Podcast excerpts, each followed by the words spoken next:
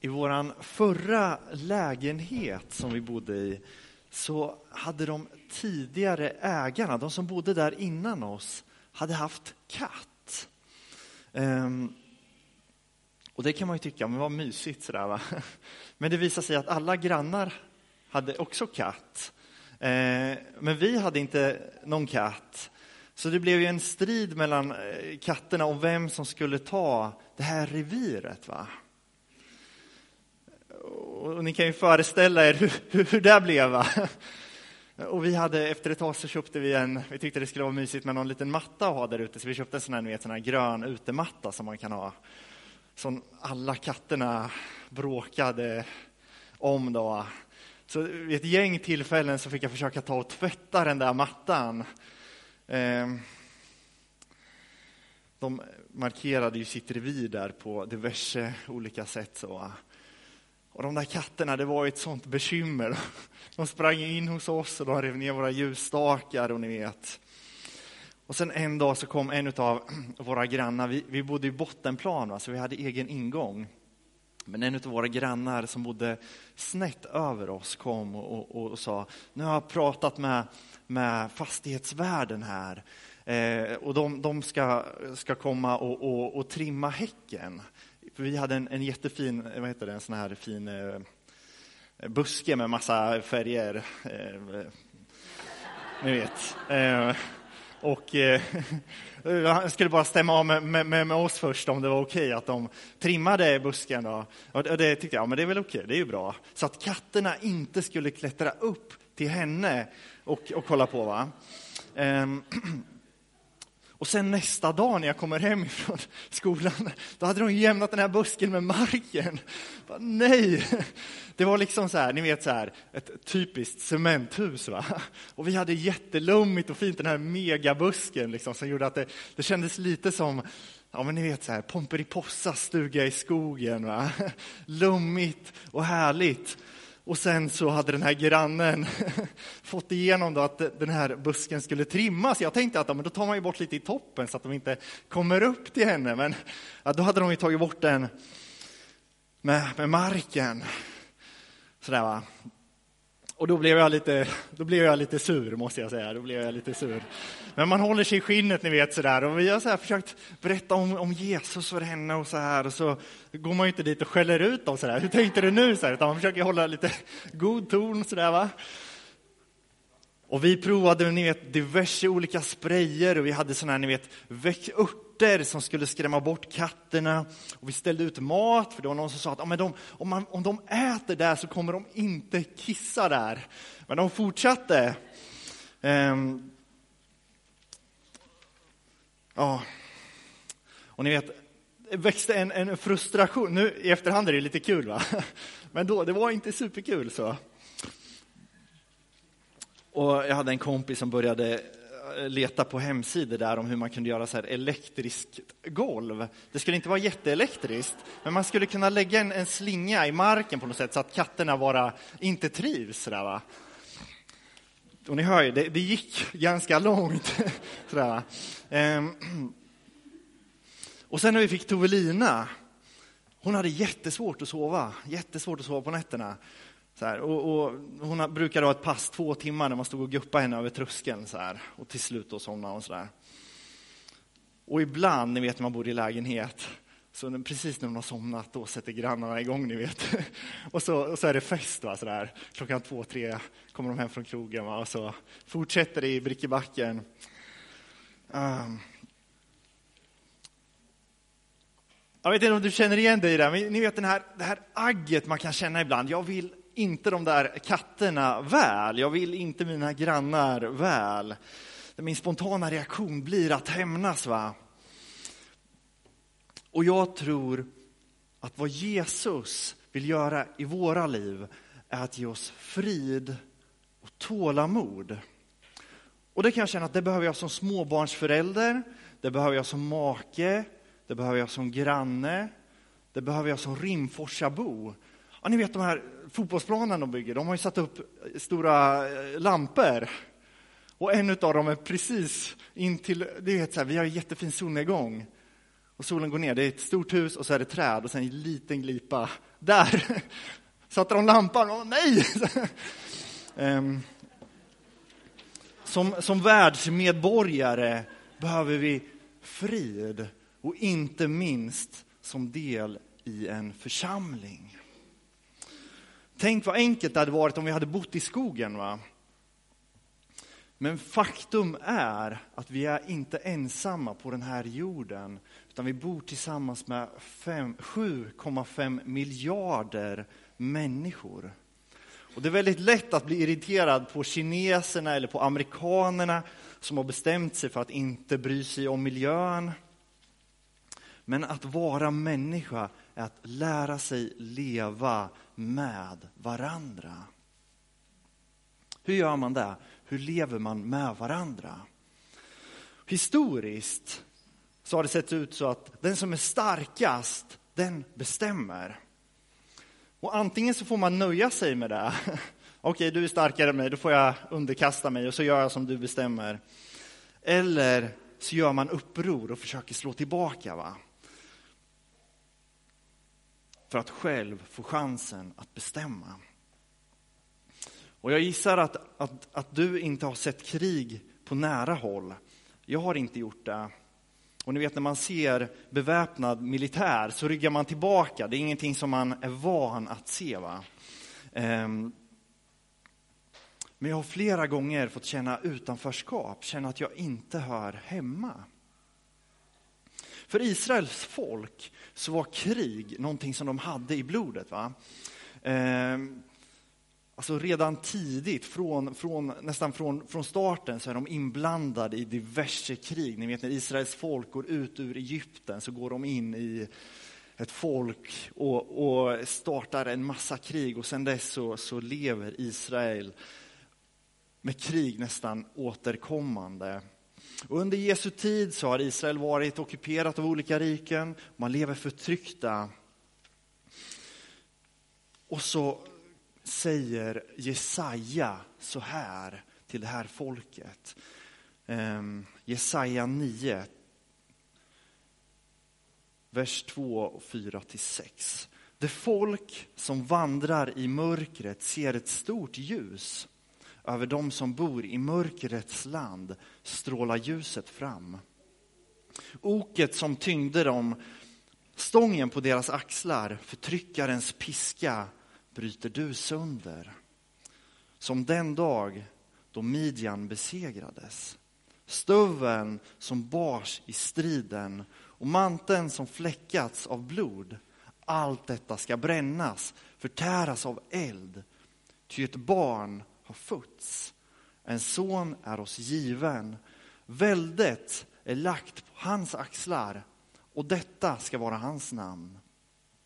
Allvis härskare, gudomlig hjälte, evig fader, fredsförste. Profeten berättar att en dag ska Jesus komma och så föds han, han lever, han undervisar, han helar sjuka och så en dag rider han in i Jerusalem inför påskhögtiden som är liksom nationaldagen, folkets stora fest. Och förväntningarna är skyhöga. Nu kommer han som avslutar förtrycket. Och han rider in i huvudstaden inför den viktigaste händelsen för folket på hela året. Ära vare Gud i höjden och fred åt dem han har utvalt, ropar folket. Davids son, den rättmäktige kungen, kommer ridandes, kommer för att kasta ut de ogudaktiga förtryckarna. Här kommer fredsfursten. Jag vet inte vilken typ av film du tycker om att kolla på, men jag är svag för actionfilmer. Det gör ingenting om de är väldigt enkla sådär, va? Jag, jag, jag gillar det. Va? Sådär. Och nästan alla actionfilmer handlar om samma sak. Va? Det är några dumma som kommer göra något jättedåligt. Va? De kommer eh, döda jättemånga människor, så nu måste den här hjälten träda fram och döda dem innan de hinner döda ännu fler. Va? Typisk actionfilmupplägg. Eh, och det tycker tycker en del av oss om att titta på. Det, det känns rimligt. Sådär. Här är några som vill någonting dåligt. Ja, men då är det okej att döda dem. Och precis så tänkte folket på Jesu tid. Romarna förtrycker oss, så vi måste slå tillbaka, vi måste frigöra oss och bli fria. Så har man de här texterna i ryggen. Fredsfursten kommer, han kommer inridandes och han ska avsluta förtrycket. Vad gör Jesus? Det står så här i Lukas 19, 41-42. När han kom närmare och såg staden började han gråta över den och sa, om du denna dag hade förstått också du vad som ger dig fred, men det är fördolt för dig. Det är lite lustigt, men i film så måste det nästan alltid gå jättesnabbt. Om vi inte gör någonting nu så dör alla. Ni vet den här bomben som alltid slutar på det är en sekund kvar innan det exploderar. Va? Lite så var känslan på Jesu tid också. Varje dag så utnyttjades människor, man blev exploaterad och man far illa på grund av den här ockupationen. Nu kommer Jesus, han ska rida in och nu ska han sätta stopp. Men Jesus väljer att inte göra en snabb revolution. När Jesus ser det här, när han kommer ridandes på sin åsna, så börjar Jesus istället att gråta. Han börjar gråta. Varför? Jo, han ser det här längtar folket efter. Det här kan inte jag, det här svarar inte jag upp emot. Han skulle inte ge det tillstånd som människor längtar efter.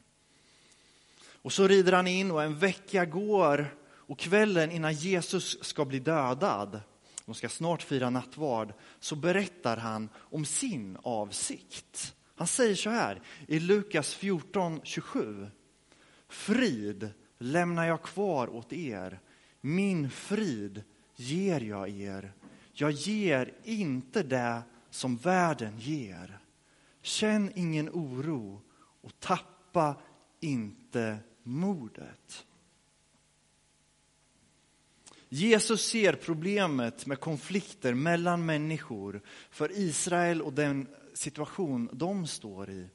Men lösningen är inte våld, utan någonting annat. Han säger, nej, jag ger inte det världen ger.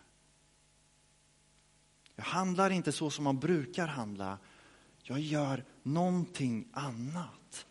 Jag ger min eirene. Jag ger min shalom. Shalom är ett nyckelbegrepp i Bibeln. Det är hebreiska och återkommer återkommande i Bibeln. när vi pratar om krig idag så tänker vi kanske ett tillstånd utan våld. Vi pratar om fredsförhandlingar. Och när vi pratar om fred så, så handlar det om att människor ska sluta bomba varandra. Då är det fred. Men i Bibeln så är shalom någonting mer än avsaknad av våld. Shalom betyder djupast sett komplett eller hel. Vi brukar översätta shalom som fred eller frid. Men, men, det är lite mer än så till och med. Att föra med sig shalom, att göra någonting komplett. Salomo, Davids son, som är en av de stora kungarna i Israels historia, han bringar shalom när han bygger färdigt templet. När templet blir komplett har han gjort templet shalom. Det är färdigt.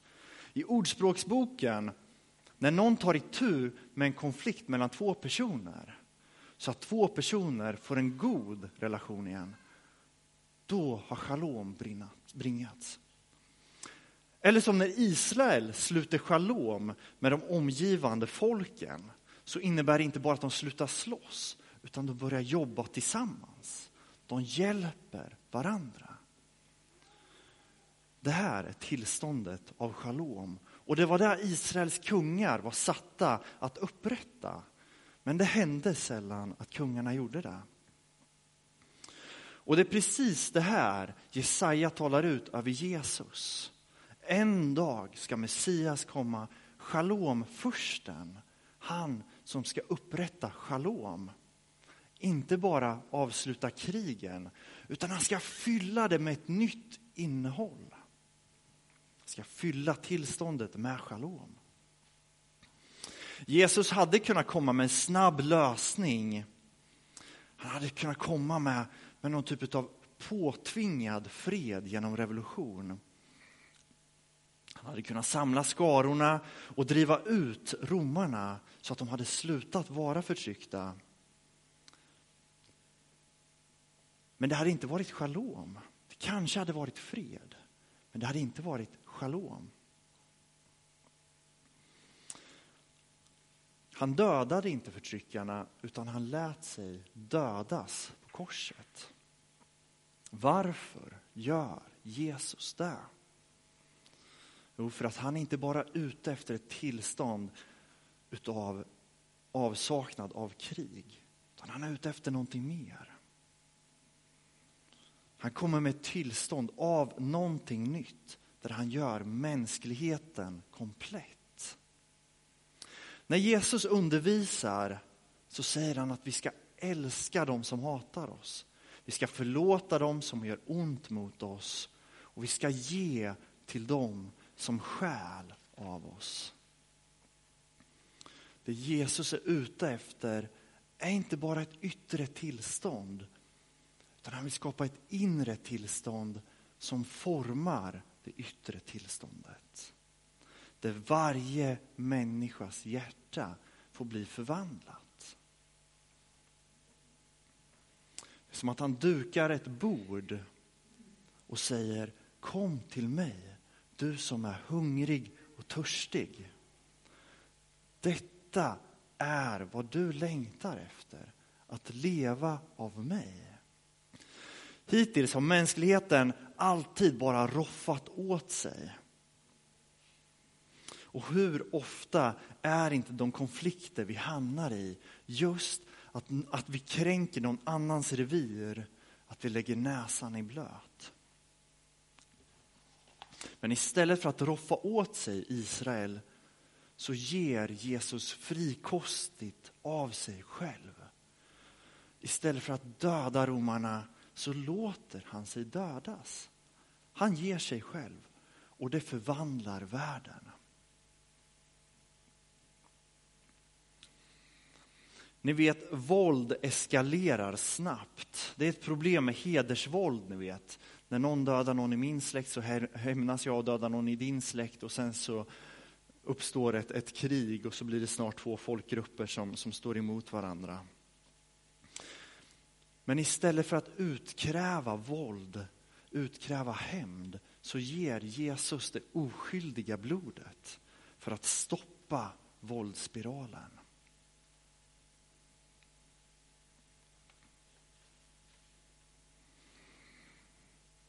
Jesus kom inte bara för att under en generation upprätta, ta bort kriget, utan för att införa shalom. Att bjuda in till ett annat tillstånd där hat och våld inte längre är svaret. Och måla upp en bild där vi en dag helt slipper krig. Så istället för en snabb lösning av uppror så inbjuder Jesus till att leva av honom. Och vi vet att snart så ropar alla de som ropade Hosianna Davids son, här kommer fredsfursten. Snart ropar de korsfäst, korsfäst. Varför gör de det? Jo, för Jesus kommer inte med den snabba freden, den snabba lösningen. Jesu fred är inte av denna världen. Den är bestående på riktigt. När all annan fred bygger på hämnd och förtryck så faller den. Men Jesu fred består. Men den kräver tålamod. Och det är precis det här profeten talar ut över Jesus. En dag ska Messias komma, han som ger shalom.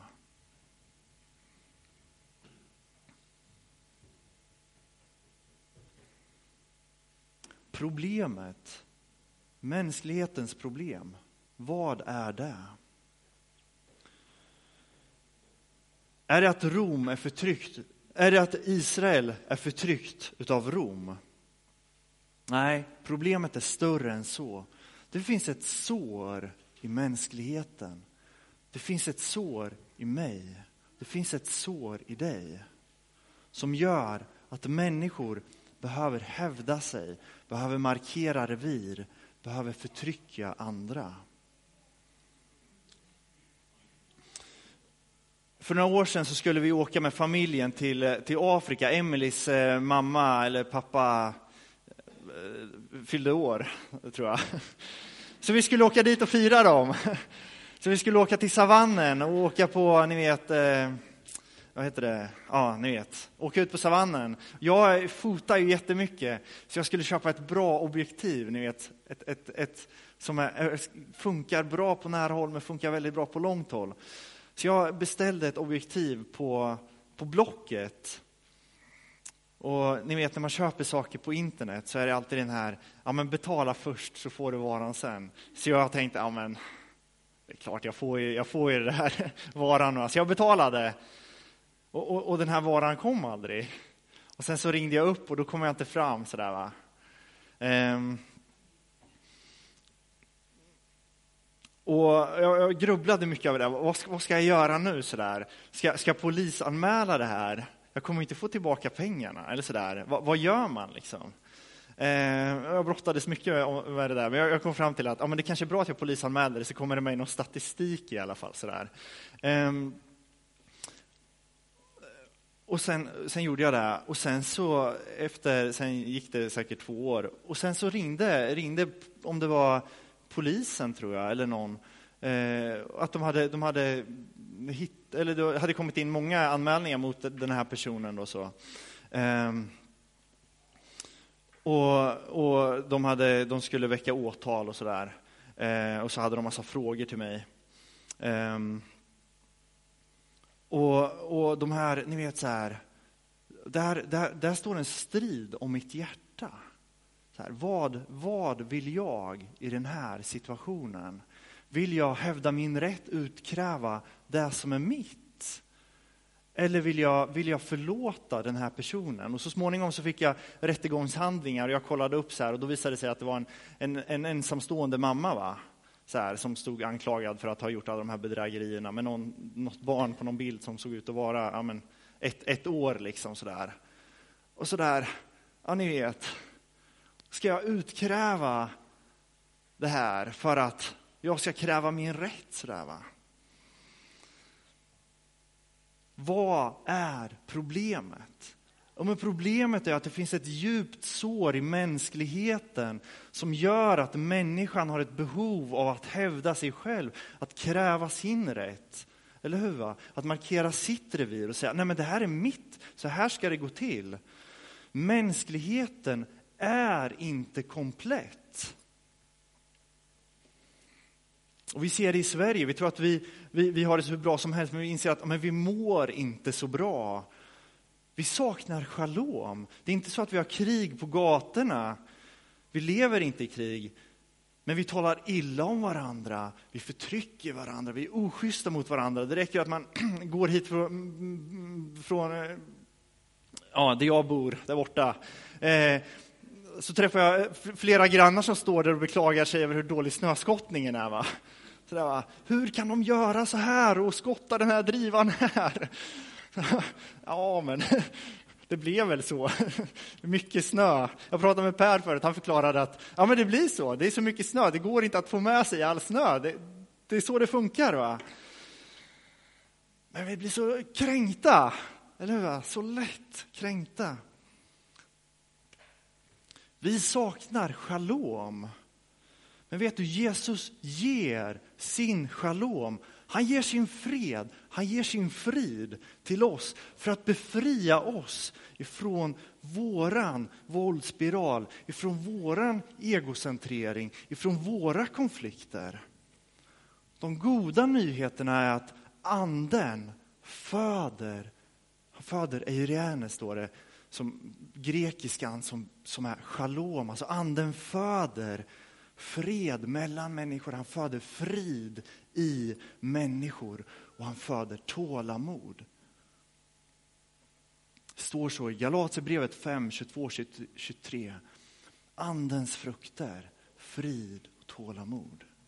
Förra veckan så predikade vi om glädje och kärlek. Anden föder glädje och kärlek in i våra liv. Och det är fantastiskt.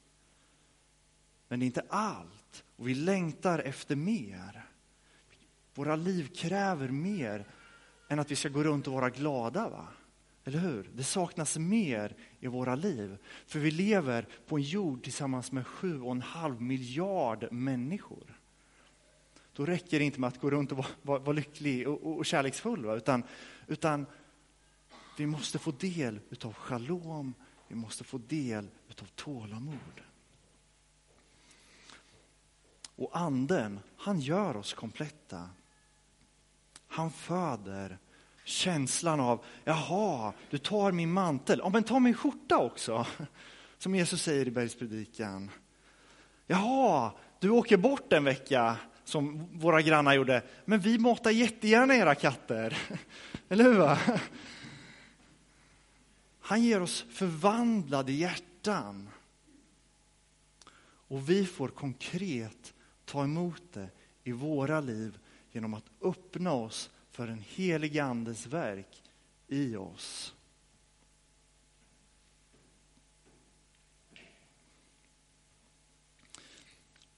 Vi ska fira nattvard snart. Och jag tänker att nattvarden på ett sätt konkret blir att ta emot det Jesus vill göra i våra liv. För i nattvarden så riktar vi våra begär bort ifrån oss själva till Gud. Jag hungrar och törstar. Men vad hungrar och törstar jag efter? Jo, men jag hungrar och törstar efter Kristus. Jag hungrar och törstar inte efter hämnden, inte efter att de här katterna ska försvinna. Jag längtar efter shalom i mitt liv. Jag längtar efter Jesus. Och Jesus säger att om du hungrar och törstar så är du välkommen äta och dricka av mig. Vi ber tillsammans. Tack Jesus för att du griper in i våran värld. Tack för att vi inte lämnade för oss själva här i en värld med massa människor där vi missförstår varandra och där saker blir galna. Utan du föder shalom i oss. Du gör det möjligt för oss att inte bara leva utan krig utan någonstans leva i försoning, en försoning som blir att vi faktiskt kan finnas där för människor och dela livet med människor som, där det en gång har funnits konflikter och problem. Och Jesus, jag ber att vi ska få se mer av det i våra liv, i vår gemenskap och i Rimforsa och i den här världen. Jag ber att vi ska få ta emot mer av din shalom, och mer av ditt tålamod. Att gå på dina vägar istället för att gå på den väg som vi så lätt stakar ut för oss själva, där vi begär och vill ha saker. Så vi ber om dig, helige Ande, att du kommer och gör ditt verk i oss. Att du kommer och ger oss din frid och ger oss ditt tålamod. I Jesu namn. Amen.